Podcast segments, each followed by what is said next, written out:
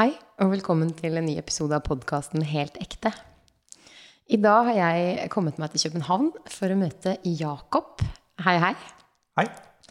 Uh, og du uh, Vi har ikke sett hverandre på 22 år.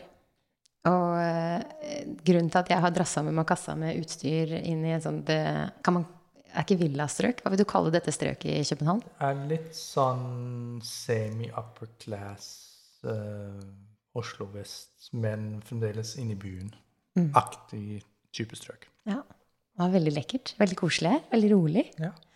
Eh, drassa med denne kassa med podkastutstyr. Eh, og så tenkte jeg at eh, siden du faktisk er filmprodusent, er det det? ja. Ja. Så er du vant til litt mer fancy utstyr. Men du syns at jeg hadde litt sånn fancy utstyr? Jeg syns det er veldig fancy i forhold til at noen ganger når man blir, eh, snakker med journalister, så er det veldig Så snakker man inn på en iPhone eller sånn. Så det her er veldig stort og flott. Veldig fornøyd med dette her. Håper lyden blir bra. Ja. Eh, og det er grunnen til at jeg ville prate med deg, for du er eh, filmprodusent. Og i min, mitt hode så er filmprodusenter eh, eh, ikke vanlige mennesker.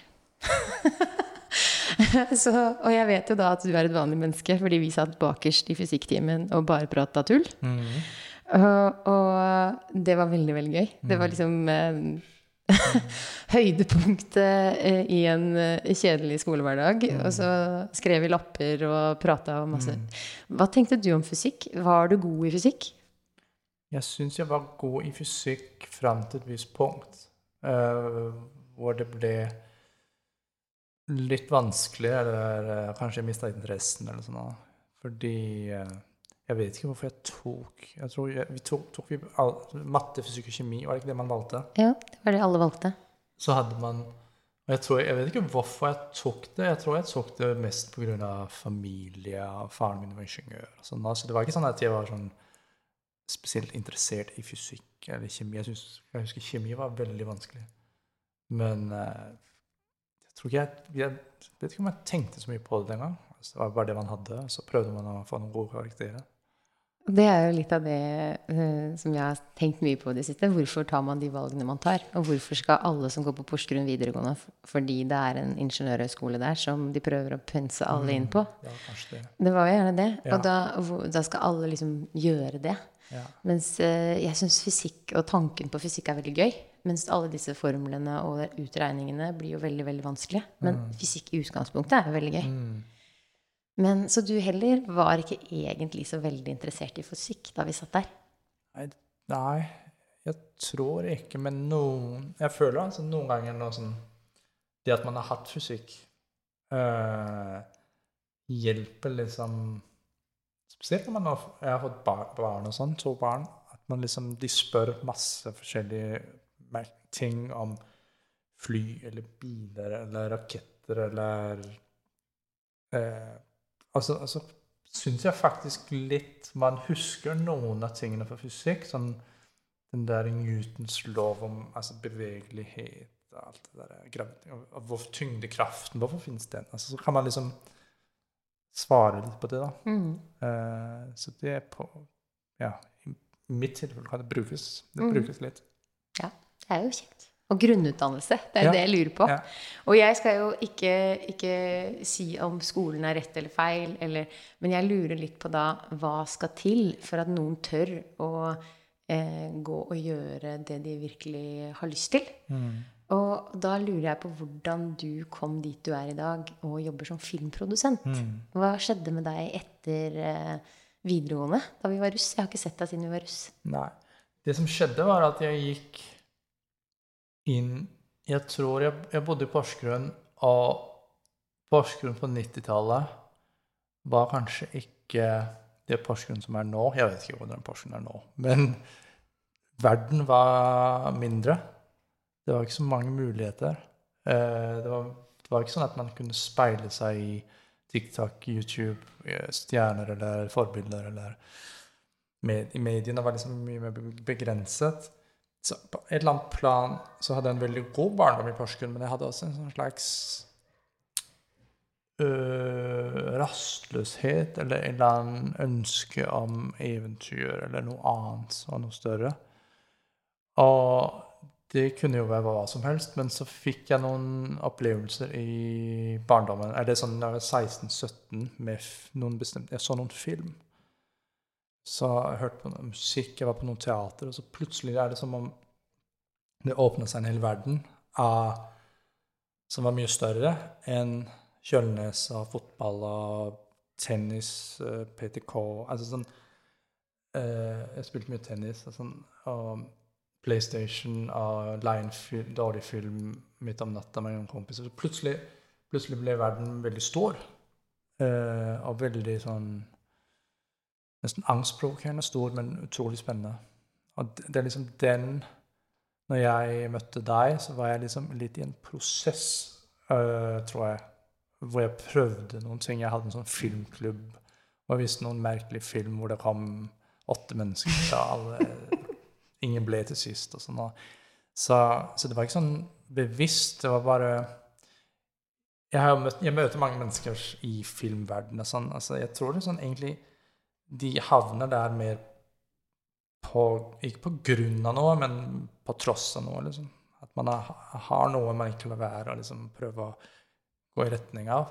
Selv om det, den kan, det kan være vanskelig, og det kan være veldig mye motstand eller eh, Altså, Den gang tenkte jeg jo ikke jeg skulle være film, film, filmprodusent. Det var liksom, det kunne nesten være astronaut. Det var liksom veldig sånn langt vekk. da. Mm. Så det var liksom bare noen steps man begynte å ta i, den der, i de der åra, 16-17-18, hvor man begynner å tenke litt og bli litt mer klar over tingene og ta stilling til tingene. Sånn. Eller man kan, i hvert fall. Så egentlig bare å starte en filmklubb og lure og være nysgjerrig på film? Bare starte en filmklubb, begynne å skrive noen manuskripter. Husker jeg, jeg, jeg tror aldri jeg fortalte det til noen i Porsgrunn, men jeg, begynte, jeg, skrev en del manuskripter hjemme, og så sendte jeg det til en fant en eller annen norsk regissør som hadde studert fordi moren min er fra Polen, så hun kjente en norsk regissør som hadde studert innen sånn filmskolen i, i Polen, som var veldig anerkjent. Så han bodde i, Han bodde i Bø eller sånn noe. Så, så, sendte jeg liksom noen manuskripter til han. Så var, han fikk noen kommentarer. Og han syntes ikke det var bra. Men så plutselig sendte jeg noe som han syntes var bra. Så det var en slags små spadestikk hvor man liksom begynte å liksom å sånn, prøve å finne vei i labyrinten av li, altså sånn livet etter byråene. Mm. Hva ved film var det som fascinerte deg mest? Det var jo den der, Du sier at verden ble plutselig veldig stor. Men hva ved den Jeg var inne og se Faren min tok meg noen ganger med inn og se noen litt mer sånn intellektuell film. Fordi eh, han hadde liksom også vært interessert i film. Han var ingeniør. Han er eller pensjonert ingeniør. Had, men hadde liksom alltid en sånn slags filminteresse. Eh, så han drassa meg med på noen forskjellige film. Som, altså min yndlingsfilm var jo 'Forest Gump' og 'Mannen med nakne pistol' og sånne ting. Men han, han tok meg med sånn kanskje to-tre ganger om året på noe som var litt øh, litt annerledes.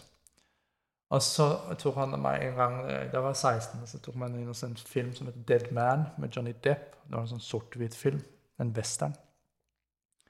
Da husker jeg jeg tenkte ah, enda en kveld hvor vi skal liksom se noe dumt. altså, så husker jeg så den filmen, og så er det som om jeg kom inn i en sånn tunnel. Inn i en annen virkelighet. Det er bare, Den er sånn sort-hvitt, og Neil Young lager musikken, og den fader ut og inn helt siden. Sånn hypnose, nesten. Altså, altså har jeg husket det sist, der jeg håpa hele tiden den ikke skulle stoppe. Skulle, det, var, det var sånn god følelse å være i. Og så gikk jeg ut av kino og så sa jeg til faren min det er den beste filmen jeg har sett noensinne. Og så gikk han på meg. Han trodde jeg var spydig. Altså, han trodde liksom. Men det var det. Altså, det, var, det var virkelig sånn øyeåpnende, sjelsettende, nesten sånn sånn spiritual opplevelse. Liksom. Men det er jo, gir litt sånn håp for oss som foreldre. da. Jeg har veldig mye jeg har lyst til å lære barna mine. Og så blir jeg bare fnyst av og bare ah, dumme mamma, liksom. Men uh, da kan det til slutt plutselig komme et øyeblikk der de du, får øynene opp? Jeg tror man gir så mye til barna sine. Og selv om de reagerer mot det, så, så, ender de med å ta det til seg, på, til seg, på, en eller annen måte, tror jeg. I hvert fall når de blir eldre. Mm. Da du, eh, etter du skrev noen manuskripter, du stoppa jo ikke der. Du Nei, så tror jeg liksom Det nærmeste, eller letteste, nærmeste veien var liksom uh, den gang å dra til Trondheim og, og gå på filmvitenskap, som er sånn slags filmhistorie, hvor man lærer filmhistorie og filmteori. Um, det har ikke noe med å lage film å gjøre, men det var liksom det som var, føles var mer sånn realistisk. Um, det var jo eh, Norske Filmskolen på Lillehammer tror jeg hadde starta noen år før, men det føltes også veldig sånn vanskelig å komme inn på. Sånn, og så, så, så begynte Og der møtte man jo folk som også var interessert i film. Noen ville også lage film. Og så jeg husker jeg var med i Samfunnet, Studentersamfunnet, i det het Student-TV. Begynte liksom å få litt erfaring med utstyr og klipp og sånne ting.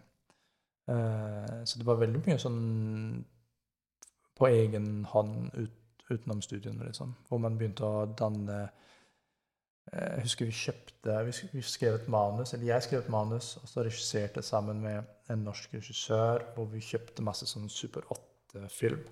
Vi ville gjerne lage det på film, og sånn, og så laga vi det en helg. Og så fremkalte det og klipp. Så det var noen sånn hobbyprosjekter. Man begynte liksom å utforske eh, teknologi og mediene og sånn. Og så hvordan, ja, hvordan, hvor var veien videre etter det? Ja, men Jeg tror det var noen sånn jeg, ja, vi hadde, jeg husker vi hadde en sånn uh, Jeg tror Erlend Loe ble stor han hadde liksom, På den tiden ble ganske populær, og så ble han ansatt eller han, Det kom et eller annet fokus på et sånt trøndersk At Trøndelag skulle liksom lage film. og sånn, og Så utlyste de en sånn konkurranse. En manuskonkurranse. Og så husker jeg jeg skrev et manus som ble liksom valgt til de, de, siste Det var liksom mange som sendte inn, og så tror jeg de valgte fem eller ti. eller et eller annet. Og så skulle man liksom pitche det på en kinosal med Erlend Lo og sånn den gang. Så fikk jeg ganske mye sånn skryt for det manuset. Altså, så jeg tror jeg, så begynte jeg liksom å begynte sånn merke at nå, nå Altså, jeg, jeg, gjør noe som funker, og jeg, jeg liksom har kontakt med med håndverket, på en eller annen måte. Så det var, så, så det var sånn forskjellige punkt. Og så kom jeg, altså, jeg søkte på en sånn film, eh, folkehøyskole i Danmark som heter European Film College, hvor det er skikkelig mange unge skandinaviske eh, danske unge filmfolk som går på. Fordi det er sånn åtte måneder eh, i Jylland, og man lager kun film. Og, og, det var liksom det stedet hvor det ble sånn Jeg tror valget ble tatt, på en eller annen måte. Eh, at det var liksom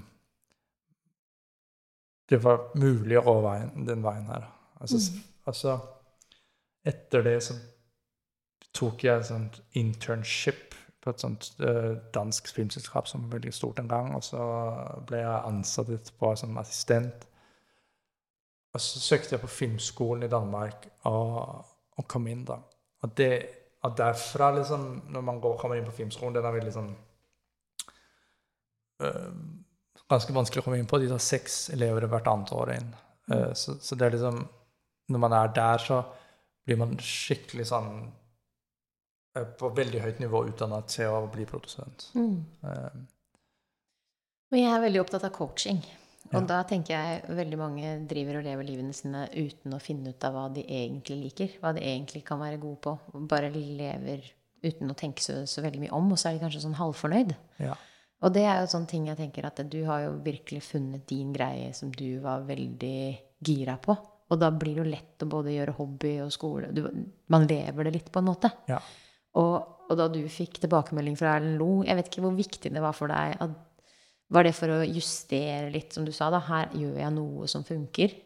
Men, men var det sånn at du tenkte, når du fikk tilbakemelding fra han som Eh, leste manusene dine da han sa at det ikke var så bra. Ble du lei deg da, eller tok du tilbakemelding, eller hvordan har du respondert på tilbakemeldinger? Jeg tror, der, jeg tror egentlig mer det handler om at du går inn i en dialog. En dialog, et samtale med noen som har lest det. Mm. Altså, det kan være negativt, det kan være positivt, men bare at du har den samtalen. det skjer fordi det kommer fra deg, og du har lyst til å liksom eksponere eller vise verden hva du gjør, eller hva drømmen din er. Forskjellen er når man uh, har fysikk i, på Porsgrunn videregående, at du, du, er der under tvang, da. Eller du har liksom ikke noe valg. Eller du, jo, du har tatt et valg, men du vet kanskje ikke hvorfor du har tatt det valget, og så er du der. Uh, og, fravær og alt sånt. Så det er liksom en del av kontrakten. Men når, når man går ut i verden med noe man brenner for, og går i samtale eller dialog med noen som er høyere eller mer etablert eller erfarne, så er det bare Uansett om det er kritikk eller ros, så er det liksom en veldig sånn viktig eh, bekreftende ting, da. Mm. At du blir tatt seriøst som semi-voksent voksen menneske mm. innenfor det feltet. Så, så, egentlig er det Jeg har egentlig opp veldig mye Jeg har hatt mange sånne mentorer i løpet av årene. Ikke mange, men jeg har hatt noen. Og, det tror jeg er en veldig sånn god måte, ikke bare eh, faglig å bli bedre på, men altså Jo eldre man blir, jo mer vet man at livet er en del av Det er kun faglig. da. Livet, Det skjer ting i ens liv, og man skal veldig lære å leve det. Sånn. Og den um, sparingen er god å ha. Men uh, i dag så jobber du hvordan, hvordan, er jobben din i dag, etter at du kom deg gjennom filmskole og har jobba i noen år? Um, altså, jeg syns egentlig Jeg elsker jobben min. Um, jeg jobber som filmprodusent og serieprodusent. Og dagen min er veldig variert, men det handler jo bunn og grunn om å få produsert noen film og serier. Si skaffe pengene og ansette folk og sørge, og sørge for at de blir eh, ferdig til tiden. At mm. pengene og at de er bra. Og det er jo sånn man, De filmene viser, det er gjerne en ganske kort eller liten liste av ting som er produsert, som kommer inn til Norge. Ja. Og Er det noe av det du lager som vi har hørt om eller sett? Vi laga en serie som en HBO-serie som heter Kamikaze, som faktisk er basert på en roman av Erlend Loe, som også var i Norge. I fjor så laga vi en film til The Holy Spider, som var en dansk Oscar-kandidat som også ble vist på kino i, i Norge. Eh, vi har produsert en serie for DR, altså Danmarks Radio, som er den danske NRK, uh, som heter Follow the Money, som også har vært på, vist på NRK. Sånn, altså, uh, kanskje. Men hvor viktig er det for deg at ting blir stort? Og er det noe som kommer til å tjene masse penger? Eller er det sånn dere får allerede på forhånd et visst budsjett og støtte og sånn, eller? Også, eh. og, og, men hvordan, hvor viktig er det at ting det kommer viktig. ut? Det er ja. veldig viktig at det kommer ut. Uh, vi jobber veldig mye med uh, noen regissører og forfattere som er kan være ganske kompromissløse og kunstneriske, men samtidig er det veldig viktig for oss at du får en eller annen resonans eller får en eller annen reaksjon hos publikum. Da. Så det er veldig viktig at det kommer ut uh, i Danmark, men også i utlandet. Uh, så det er Uten det er det jo litt følelse meningsløst. Og det er jo noe som kanskje kan være vanskelig, fordi som ung og liksom tenker om at uh, du skal skape kunst og vise verden, altså disse Eh, jeg visste jo ikke engang hva kommersiell betydde når vi gikk på Porsgrunn videregående. Og når folk klager over at ting er kommersielt, så skjønte jeg ikke egentlig Ja, men man må jo tjene penger. Ja. Og det må man jo faktisk. Ja.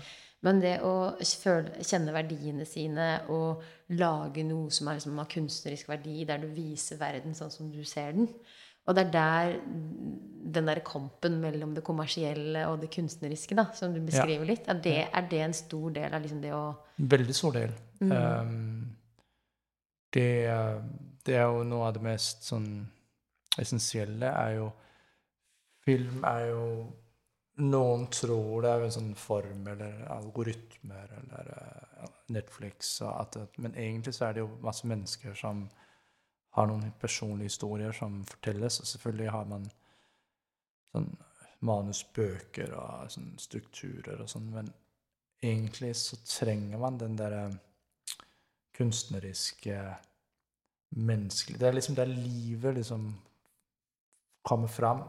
Liksom det, det unike blikk på en situasjon. Og det, det fins i, i en Barbie-film, og det fins i eh, en TV-serie om en undercover-agent. Um, så, så man kan liksom jobbe det man prøver Det som er Man prøver å jobbe med begge deler. da. Jobbe med noe som er, liksom, er unikt og personlig på en eller annen måte, men prøve å kanskje finne en kontekst som er kommersiell, Mm hvis det gir mening. Ja, det gir veldig mening. fordi jeg ser jo det at Barbie-filmen kan jo få kritikk for at bare, det ser så flåsete ut. Ja. Men jeg tenkte når jeg ser de skuespillerne som er med i Barbie-filmen, så tenker jeg det må jo være noe mer her. Ja. og da tenker jeg Og vi har jo sett Barbie-filmen, og jeg elsker jo hvordan de klarer å ta inn eh, ganske store temaer i en gammelt eh, produkt som eh, man kan kritisere, men så tar de eh, hva Barbie alltid har stått for, og viser at det, ja, det Viser verden, da, gjennom Mm. disse to verdenene som er eh, ja, hvordan verden er. Mm, Og, og det med at eh, sånn som f.eks. at damer nå begynner å ta litt over verden, samtidig som vi klager på patriarki og gutteklubben Grei som alltid sitter på toppen og styrer alle pengene. Og liksom måten de klarer å eh, vise at egentlig så kommer vi ingen vei hvis vi skal klage på jenter eller gutter, men vi må faktisk eh, se hverandre som forskjellige, og så må vi leve sammen og respektere hverandre for forskjellene for å få det bra. Og det er jo noe som jeg ønsker å formidle og prøve å hjelpe til med i denne podkasten. Så Barbie og jeg har liksom samme agenda, da. Bra. og samtidig som du har sett Oppenheimer også, kanskje? Jeg har ikke sett den. Nei. Og det også er jo en sånn eh, det er- Det er jo fysikk, og det er jo hvordan man går da inn i eh, eh, hodet til Oppenheimer, som da er en mann med integritet, i en tid som eh, var så veldig, veldig eh, polarisert da, gjennom kommunisme og de som var antikommunister, eller sånn Amerika. Og hvordan det var så vanskelig å, å finne enten-eller. Fordi sannheten er jo eh, var balansert. At det, det er jo ikke den ene eller den andre som har rett. Det er jo uh, Det er vanskelig å vite hva man skal velge, og hvilken side man skal ta, når sannheten kan være litt av hvert. Og uansett om man velger den ene eller den andre siden, så er det skurker på et eller annet vis. Så det med å faktisk være et individ som kan tenke selv og stå opp for det man mener, men havne liksom på et feil sted i historien likevel. Og så, nei, det var en veldig veldig spennende historie. Og så får den der med at det lønner seg å ha integritet, selv om kanskje det Og hvordan han trodde virkelig at atombomben eh, kom til å vise at eh, mennesker må skjønne at vi må slutte all krig her og nå. Og så gikk det litt ut av hans hender, og så men det, Ja, nei. Philip forteller verden bakover i tid, som vi ser den nå, og så prøver å fortelle oss eh, hvordan vi kan Ja. Leve. Jeg elsker film. Ja, men det er kult. Altså, eh, jeg syns han regissøren Christopher Nolan er veldig god nemlig til å finne de der små historiene som blir veldig store, da. Og veldig, veldig De der fokuspunktene i fortellingene som er ganske sånn interessante, men det blir jo altså veldig kommersielt og relevant for mange mennesker, da. Mm. Det er kult. Jeg skal se den. Ja, det må du gjøre. Nå håper jeg ikke jeg spoila det. Nei, nei. Men, er det en bombe med? Ja, du fikk med deg det, ja. Uh, Men, uh, og Netflix-serie, har du sett uh, After Death? Nei, Afterlife. Ja, det med han eh, Ja, det er med Jeg har ikke sett den. Det er han som spiller, spilte i The Office. Ja, ja, engelske versjonen. ja. Det har blitt den nye favoritten nå. Ja. Det er veldig sånn filosofisk. Hva er, hva er egentlig poenget, liksom? Ja. Med hele greia. ja. Så, og da En av de fineste setningene, eller når han konkluderer med at kanskje det bare er å gjøre verden litt bedre. Og kanskje det høres ut som et stort prosjekt. ja. Mens hvis man ser på den store delen av verden, så bor vi alle i et lite hjørne. Så kan vi fargelegge vårt lille hjørne her. Og så hvis alle gjør litt av det samme, så blir Ja. det egentlig ganske fint. ja veldig fint. Så, Livsbekreftende. ja. Ehm, film Ja, men Erlend Lo har jo betydd ganske mye for deg. da. Jeg, fikk jeg prata akkurat med en eh, skolekompis av oss som fortalte at du skrev Dere lagde fa særemne om Erlend Lo. Ja, det er sant. Og allerede da så begynte du å Dere lagde en film og noe bil og Ja, ja, vi laga et eller annet med lek og Hva heter den læreren vi hadde? Jeg husker ikke det. men... Spinnevåg. Nei. Ja, sånn og Øystein? Magne? Nei, jeg vet ikke. Øyvind? Nils? Han eh, det var, det var ganske kult. Det var Andreas og meg. Men jeg tror han eh, Jeg tror han betyr Altså, han Det er ikke sånn at jeg kjenner han, egentlig. Men Eller ikke i det hele tatt. Men eh, ja, det betydde noe. Han, han kom jo ut med noen bøker der i slutten av 90-tallet, tror jeg. Tatt av kvinner, ild og Ja. Som var veldig sånn naive, og jeg tror mange unge mennesker syntes det var veldig kult, fordi det, det så så lett ut. Det var jo ikke lett, det er veldig vanskelig å være så basic. Mm. Eller så, sånn, ikke basic, men sånn Ha det uttrykket som virker naivt og lett, det er ganske vanskelig å oppnå. Men, men jeg tror for, for oss var det jo veldig fascinerende. Mm. Fordi vi visste ikke det. Vi tenkte bare at det var noen som skilte seg ut og gjorde tingene på en eh, sånn veldig sånn eh, norsk, sosialdemokratisk, rebelsk måte, liksom. Så det var Så ja, det betydde en del, egentlig. Sånn Og så var det denne skrivekonkurransen? Ja, så var det skrivekonkurransen Og så har du lagd en Ja, så har vi lagd den, og det var litt sånn Ja. Så, det, så ja, det er noen nedslagspunkter, liksom. Mm. Ja. Du har aldri møtt han, eller? Jo, møtte han den gang, tror jeg, i Trondheim. Men ikke Ja. med serien, fordi serien, vi er noen flere ansatte i selskapet, så det var noen andre som produserte serien. Så, så. Ja. Hadde ikke sånn på den måten kontakt. Men har du noen gang hatt noe mål, eller var det bare sånn at du, du bare lot det bare Du bare gjorde én ting og en annen ting, og så førte det ene til det andre, eller? ekstremt mange mål. Men det er ikke Målene har altså liksom Man har ikke nådd målene, eller så har målene blitt noe annet. Men jeg har, jeg har vært veldig sånn Fra jeg liksom begynte å finne ut, eller jeg visste at det skulle være noe med film, så ble målene veldig sånn eh, Veldig ambisiøse, da. Så skulle, vi, skulle jeg lage en kortfilm, og så skulle jeg lage det. Altså. Så, så noen ganger har jeg hatt veldig, veldig store forventninger og mål. Og noen ganger litt for store, kanskje. Sånn i forhold til at eh, man skal også nyte prosessen. Ja, det skal ikke liksom hele tiden være en jakt, eller eh, Det kan også være gøy. Sånn, det, jeg, det er liksom i prosess, da. Fremdeles å lære det. Fordi, fordi når man Man kan bli litt sånn grådig noen ganger, da. Når, det går godt, så har man lyst til å gjøre noe mer, eller Noen ganger skal man bare liksom bare da, nyte kanskje litt.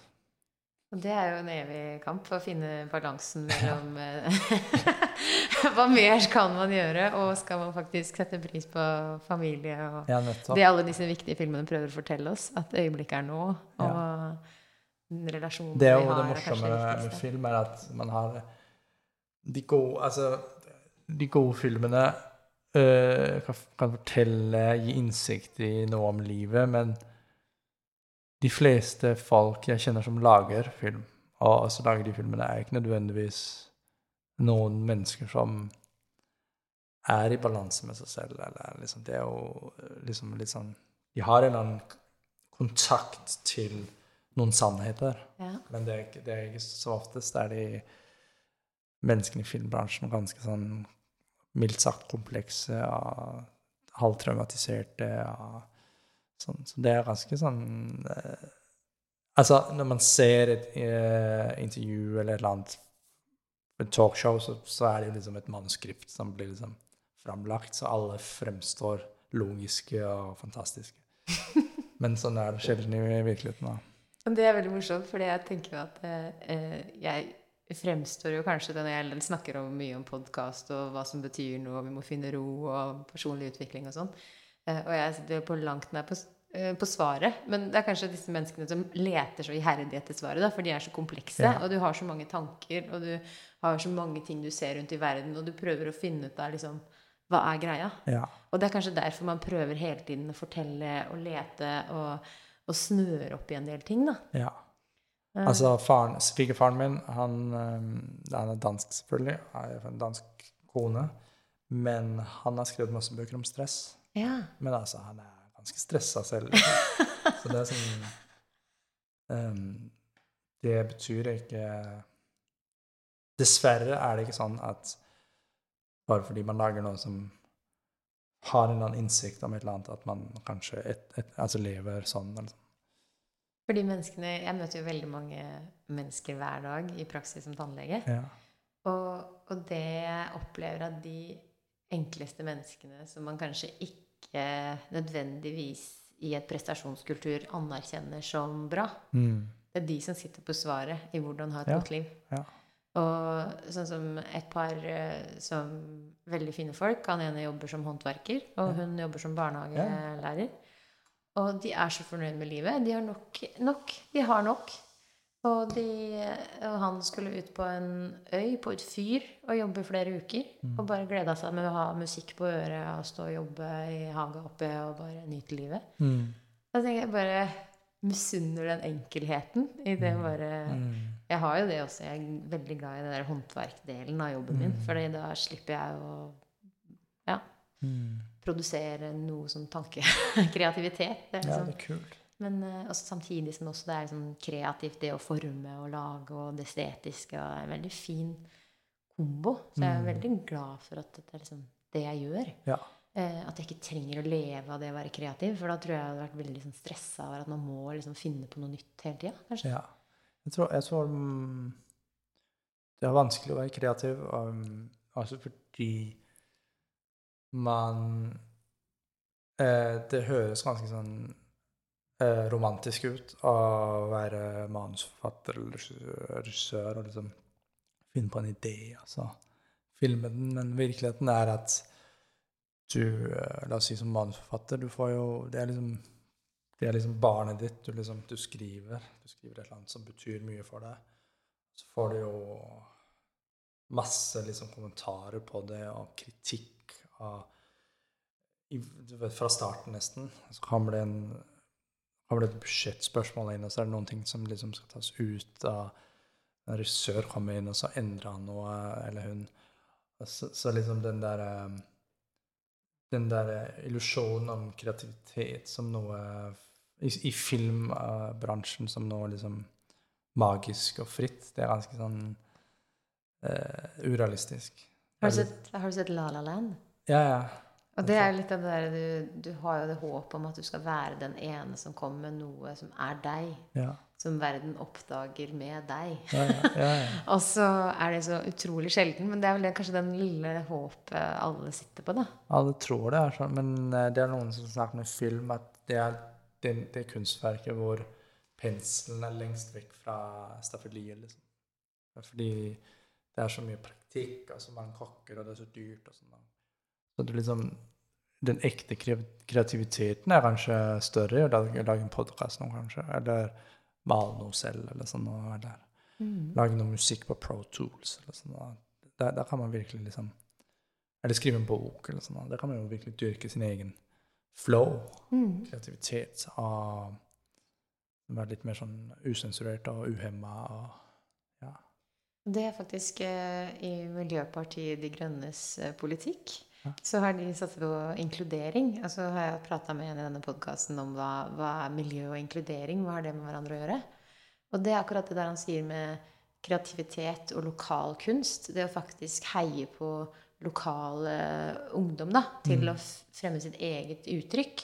Og gå og se lokale ting istedenfor å ferte jorda rundt for å se noe som andre har oppdaga for lenge siden, som er blitt så stort og kommersielt. Mm, Men, men at vi åpner opp for å tenke at det en selv liker Hva er det jeg liker? Hva er det som vekker en følelse i meg? Mm. Er det Trenger jeg å dra til Australia for å se noe av det? Kanskje det er allerede her i Tønsberg? ja. Så jeg tror på det der med hva du sier. Men også eh, hvis man, når man har barn, og man ser hvor, hvor eh, umiddelbar eh, kontakt de har med sin egen kreativitet, og sin, sin smak, og hva yndlingsfargen din, og altså, sånne ting. Det er ganske fantastisk. Så Mm. skjer det noe med, med enten med oss som mennesker, eller som noe med skole, eller annet. Det blir, det blir, man mister den der eh, connection til lek og til kreativitet, Mm. uh, syns jeg.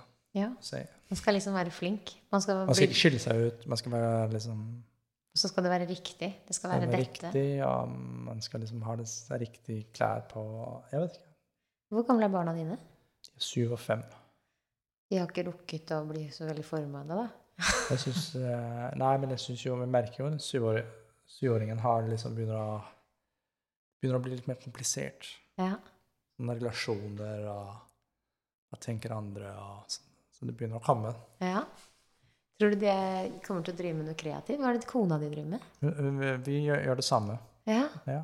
Så dere møtte hverandre i filmen? Vi møtte filmen. hverandre i film eh, på, i Ebeltoft, i um, film, Oh, Ja, film. Så vi har liksom fulgt hverandre hele tiden. Men tror du barna dine kommer til å drive med film? Kanskje. Ja. Godt spørsmål. Jeg tenker ikke så mye på det. Jeg har ikke sånn forventning at det skal de. Nei. Egentlig tror jeg bare det viktigste at de finner noe som er bra. Om det er det ene eller annet, så tenker jeg ikke sånn Men selvfølgelig har de Er det liksom Blir de hele tiden litt sånn eksponert for Du vet, de møter skuespillere, de er på sett noen ganger, så, altså på opptak, så de har jo liksom den derre Det er en naturlig del av livet deres. Mm. I hvert fall mer enn kanskje hvis man hadde et helt vanlig Jeg vet ikke hvor ofte du har barna med til tannlegen eller på jobb, liksom. Men Det var jo en periode Moa skulle bli kirurg. Tannkirurg. ja, ja. For det, det var Hvor gamle er liksom, dine? eh, Syv og ni. men eh, etter hvert som eh, jeg så at eh, matte ikke var så kult da, for sønnen min på, da han skulle opp i tredje klasse Ja.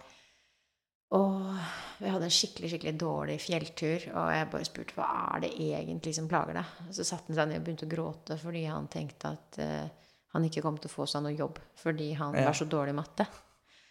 Og så var det, prøvde vi liksom å se på de fine, og det er mange muligheter her i verden. Og litt sånt. Og så året etter, da vi gikk den samme fjellturen, så spurte jeg, så hadde det gått veldig mye bedre, for jeg hadde blitt bedre som mamma til å anerkjenne andre ting som var viktig også. Ikke bare det å gjøre det skarpt på skolen og følge med og gjøre alt riktig, men kanskje se litt av det fine i han som kreativiteten hans, f.eks.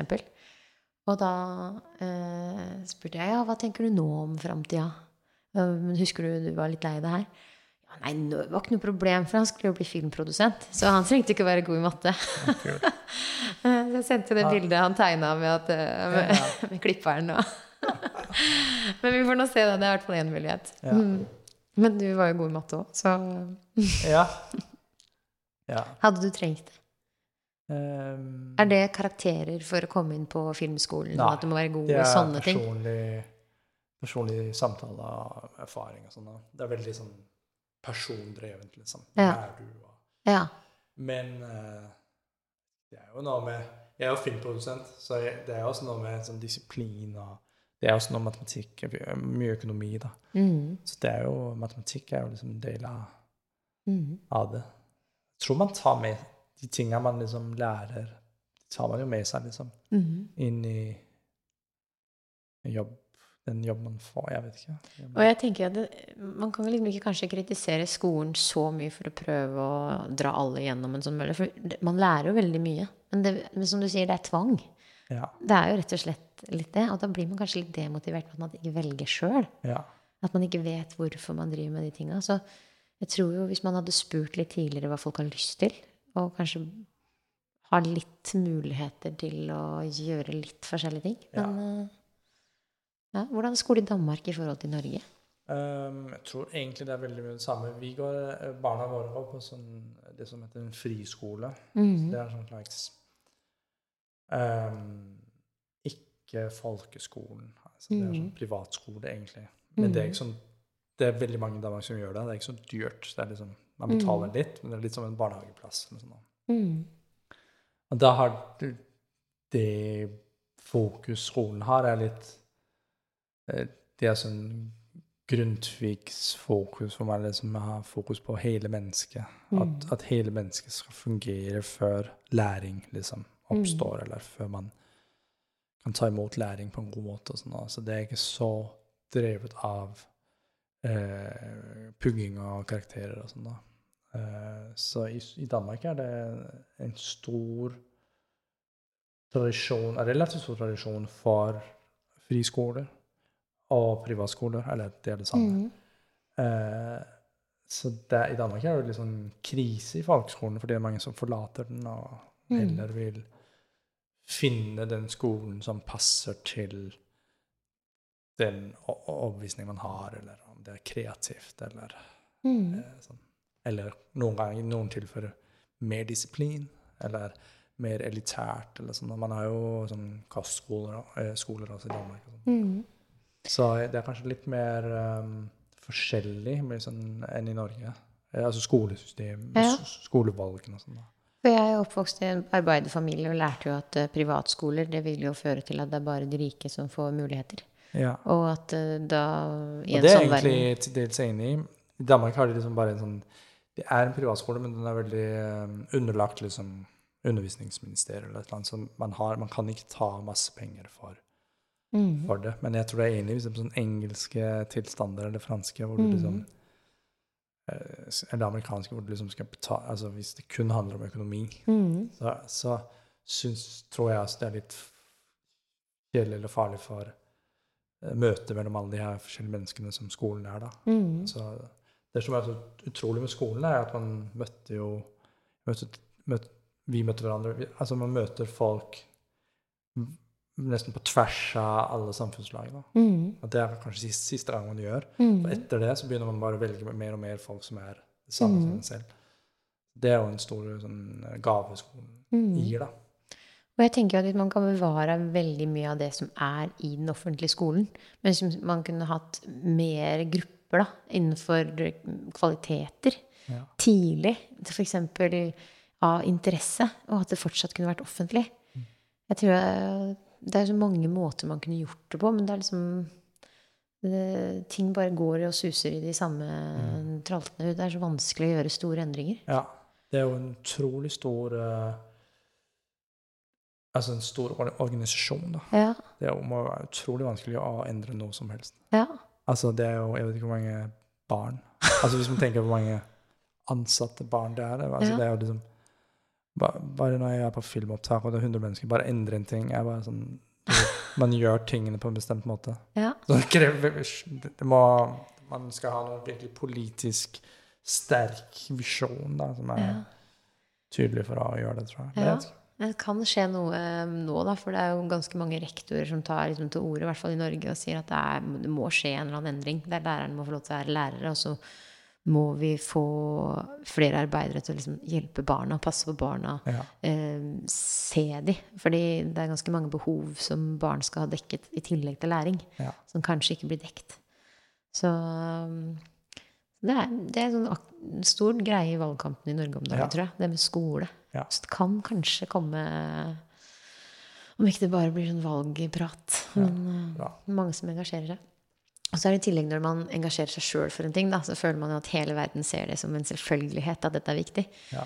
Men igjen, hvis man går litt ut fra det, mm, de vanlige man prater med, så ser man at noen ikke ser din side av saken i det hele tatt. Som bare Nei, men sånn må det jo være. Ja. For vi er så opptatt av disse sannhetene som vi alltid har blitt vokst opp til å bli fortalt at neimen Ja. du kan ikke leve av film. Det må jo få deg en ordentlig jobb. Ja, ja. Har du hørt det noe? Jeg har hørt det egentlig ganske ofte da jeg var yngre, men jeg støter på det fremdeles. Det er Ja. ganske rart.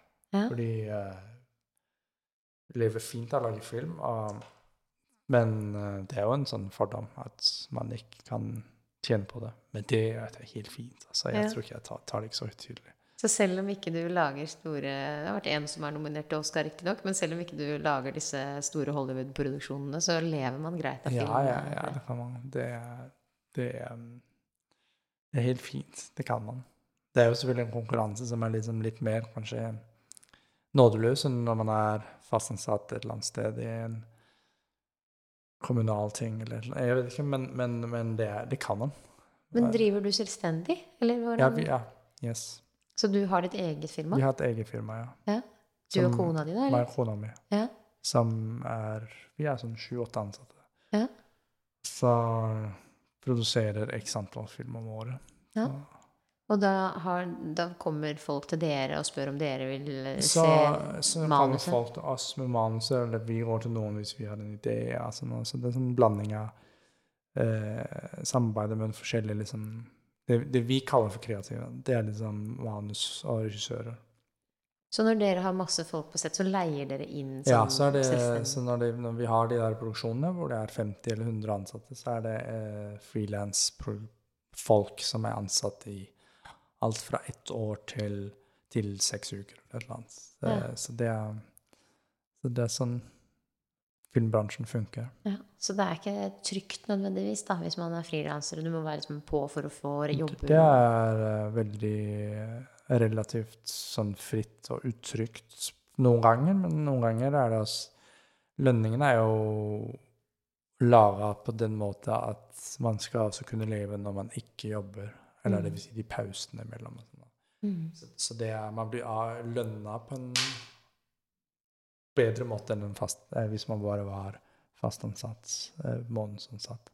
Så hvis man klarer å få jevnt inn med mye Ja, store er jobber, så er det veldig bra. det veldig bra. Så det veldig bra. Mm. Kan det være sånn at det er vanskelig å si nei til ting, da?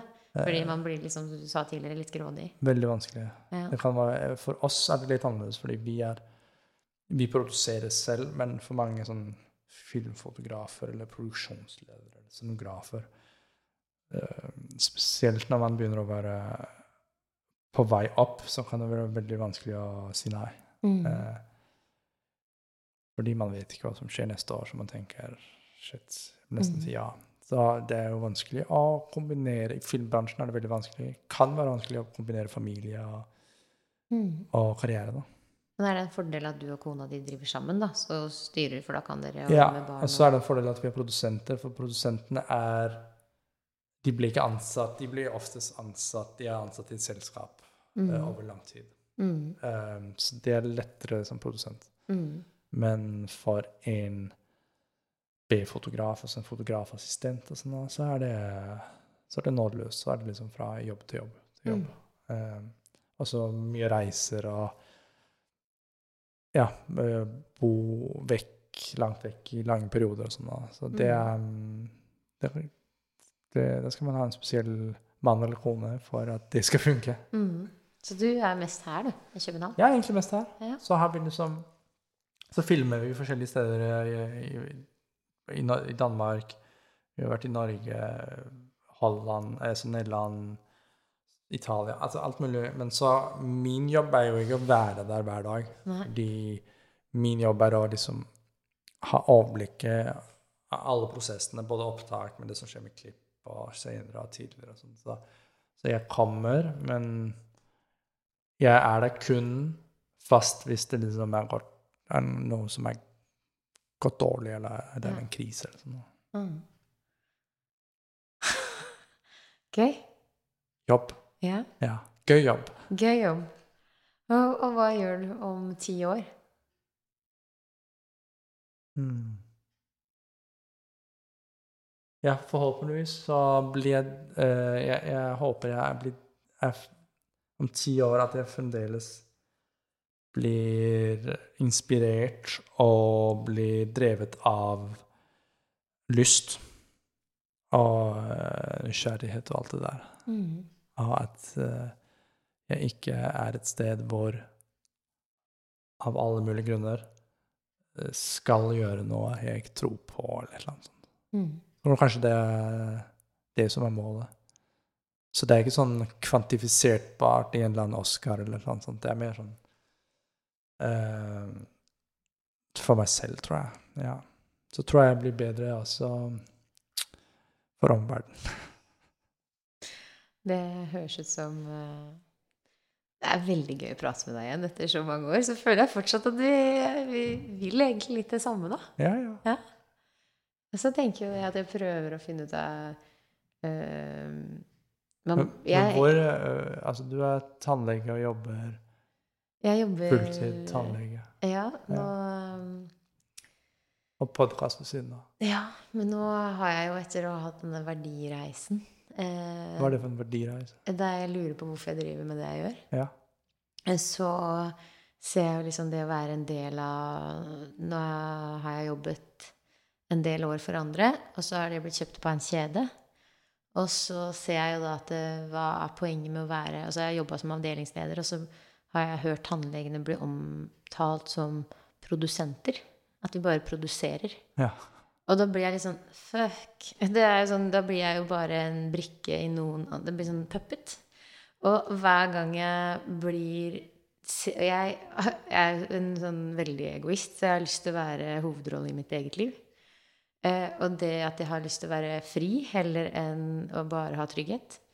Og så ser jeg det at når eh, Si at jeg var, jeg var med på 71 grader nord, en sånn, eh, Ja. sånn eh, reality-greie. Ja, ja.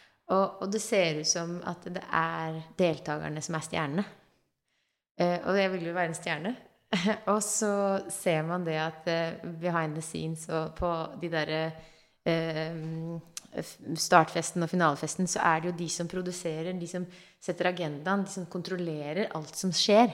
Det er de som bestemmer. Jeg er bare en sånn apekatt som bare gjør akkurat det de skisserer. Jeg er bare en sånn del av showet. Jeg, jeg styrer egentlig ingenting. og samme som med, med, med det jeg ser at det i den verden med å være tannlege, da, så bare eh, jobber jeg for å tjene penger. Og da blir jeg innmari sur. Hvis jeg bare skal jobbe for å tjene penger. Og da må jeg eh, finne ut av hva er som er grunnen til at jeg jobber, og det er for å hjelpe folk. Og så er jeg veldig opptatt av tannlegepsykologi. Mm. Så nå har jeg lyst til å gå litt mer inn på å starte min egen greie. Mm, spennende. Så eh, fordi det handler mer om verdier enn det gjorde før. Og det er jo litt sånn som du sier, den unge naiviteten, da kanskje, at man har lyst til å eh, tro på at man kan gjøre noe av verdi. Men jeg har fått det nå i 40-årskrisa. at Det er en bra krise å ha. Ja. Eller en bra måte å håndtere krisen på. ja, jeg liker ikke å kalle det 40-årskrise. Jeg tenker heller sånn eh, oppvåkning. Ja. Mm. Bra. Så nei da, så det, da kan jeg kombinere, og hvis man starter litt sånn litt mer selvstendig, så kan jeg kombinere det at jeg, jeg liker å formidle, og jeg liker å fortelle historier. Jeg møter så mange mennesker med en kjempesterk historie. Og det å da møte den takknemligheten for at jeg ser de og hjelper de, og så vil de bidra tilbake ved å dele sin historie, f.eks., så kan vi vise verden at vi er ikke så forskjellige, selv om mm, utad så kan vi se veldig forskjellig, men så har de bare opplevd noe som um, gjør at de har feil, kommet veldig feil ut, da. Og, og det at som mennesker så er vi jo av den samme verdien, men uh, av samfunnet så blir vi sett og veid og målt til ulik verdi. Mm. Eh, så det å mm, se liksom det at vi alle er mennesker Og det er jo sånn som jeg sier til deg også, jeg har sett på filmprodusenter og de som jobber med film som ikke vanlige mennesker. Men, og, det, og, og, og før denne verdireisen, og før dette prosjektet der jeg turte å snakke med folk, da, så har jeg vært veldig sånn Jeg hadde nesten kanskje ikke turt å ta kontakt med deg igjen. Fordi jeg følte at det er så lang avstand. Så um, Ja, men man blir jo satt i noen uh, kasser, da, som Altså, man blir satt i en, en slags Man tror eh, noe bestemt om en person fordi den personen har eh, en stilling eller en posisjon, mm, Det har jeg også møtt noen ganger med i filmbransjen, at film, man tror noe om filmprodusenter. Men egentlig så er man jo bare seg selv, eller prøver å være seg selv, og eh, det det, mors, eller det kule er når man får de der vennskapene eller kjennskapene på tvers av de der greiene. mm, At man kan liksom knytte noen bånd eller forstå hverandre, selv om man egentlig er to forskjellige steder. Liksom. mm. Nei, det er veldig fint. Ja. Mm. Men eh, jeg gleder meg til å se hvordan livet ditt ser ut om ti år. Jeg håper vi kanskje fortsatt har kontakt. Ja. En gang hvert 20 år. Kanskje det. Ja. Det blir spennende, da. Er Gleder meg. 60, Ja. 60 Altså, da kanskje jeg lager Da lager jeg store filmer. Ja, så er jeg tannlege. Ja. kanskje jeg kan spille hovedrolle i en av dine produksjoner en dag. Det er den store drømmen. Skal bruke noe Ironman eh, eh, Hva heter det? Deltaker eller sånn. Ja, kanskje det. Jeg, eh, ja, jeg skal kjøre Ironman nå her. Det er derfor jeg er her i København. Ja, nettopp. Du skal sperre hele byen, avsperre hele byen. Ja, Så nå må jeg eh, komme meg av gårde med sykkelen og logge inn på hotellet. Og Spise noen uh, gels, eller hva det er. ja, vi skal spise pizza. Litt carbs. Bare for å ok. lade opp. Ja, så det, den, det glasset med vin får jeg ta en annen gang. Æsj. Mm. Pass på. Ja. Veldig hyggelig at jeg fikk komme på besøk. Eh, Takk fordi du kom. Så sier jeg takk for nå. Hei.